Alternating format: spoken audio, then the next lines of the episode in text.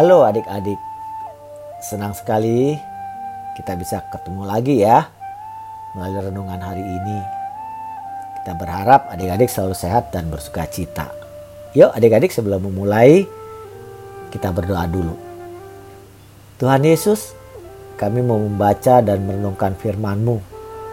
Tuhan tolong kami supaya kami mengerti dan memahaminya dan terlebih dapat melakukannya setiap hari. Terima kasih Tuhan Yesus. Amin. Adik-adik, pembacaan Alkitab kita saat ini diambil dari Matius 19 ayat 25 dan 26.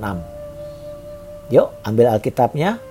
Kita buka dari Matius 19 ayat 25 dan 26. Sudah dapat? Matius 19 ayat 25 dan 26. Kalau sudah mendapatkannya, mari kita melihat di dalam Alkitab dan Om akan membacakan. Begini firman Tuhan. Yesus berkata kepada murid-muridnya, Aku berkata kepadamu, sesungguhnya sukar sekali bagi seorang kaya untuk masuk ke dalam kerajaan sorga. Sekali lagi aku berkata kepadamu, lebih mudah seekor unta masuk melalui lubang jarum daripada seorang kaya masuk ke dalam kerajaan Allah.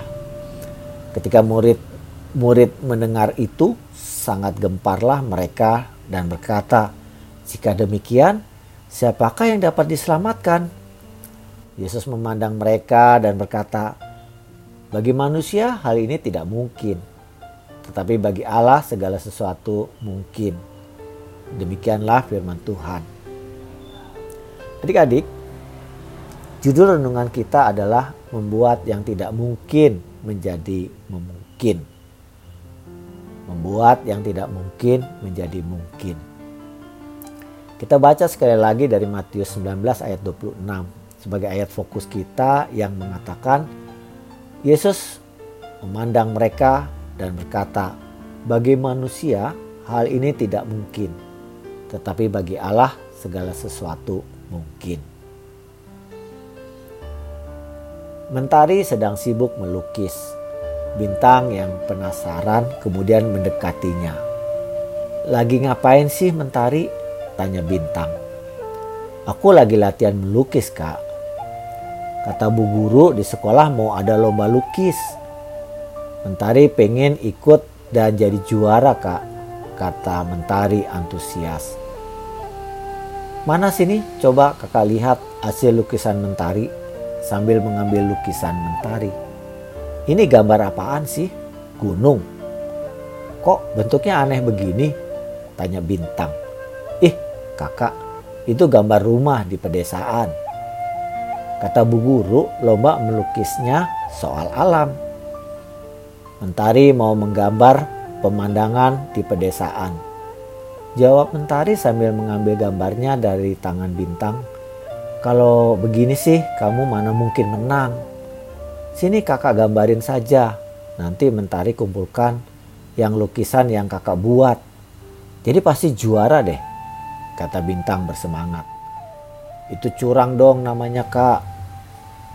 Mentari tidak mau begitu. Jawab Mentari tidak setuju. Bukan curang. Kakak kan cuma berusaha membuat sesuatu yang tidak mungkin menjadi mungkin. Ya, menjawab doa Mentari juga kan. Mentari berdoa minta menang. Nah sini kakak kabulkan doa Mentari. Kalau lukisan Mentari seperti itu sih gak mungkin menang. Kakak membantu saja supaya Mentari menang ya, kata Bintang sambil terus membujuk Mentari. Adik-adik, bagaimana tanggapan adik-adik mengenai sikap Bintang? Tentu saja sikap Bintang bukan sikap yang kita tiru ya adik-adik. Dalam segala hal kita harus melakukannya dengan jujur, bukan dengan ketidakjujuran. Kalau adik-adik menjadi mentari, maukah adik-adik menerima saran bintang? Pastinya sebagai anak Tuhan, saran tersebut tidak baik ya adik-adik.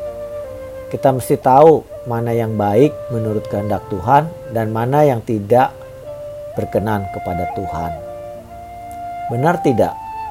Ada yang mustahil bagi Tuhan. Namun bukan berarti kita mau memaksakan kehendak kita kepada Tuhan.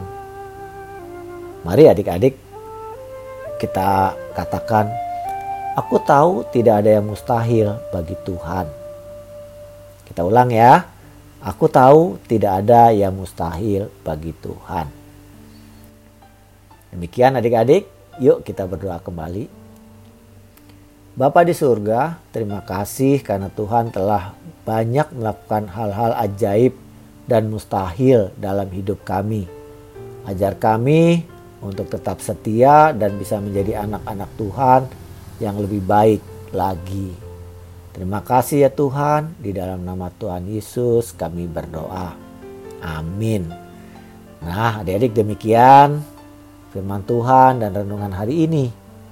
Kiranya kita selalu mengingatnya ya, dan terlebih kita bisa melakukannya di dalam kehidupan kita setiap hari.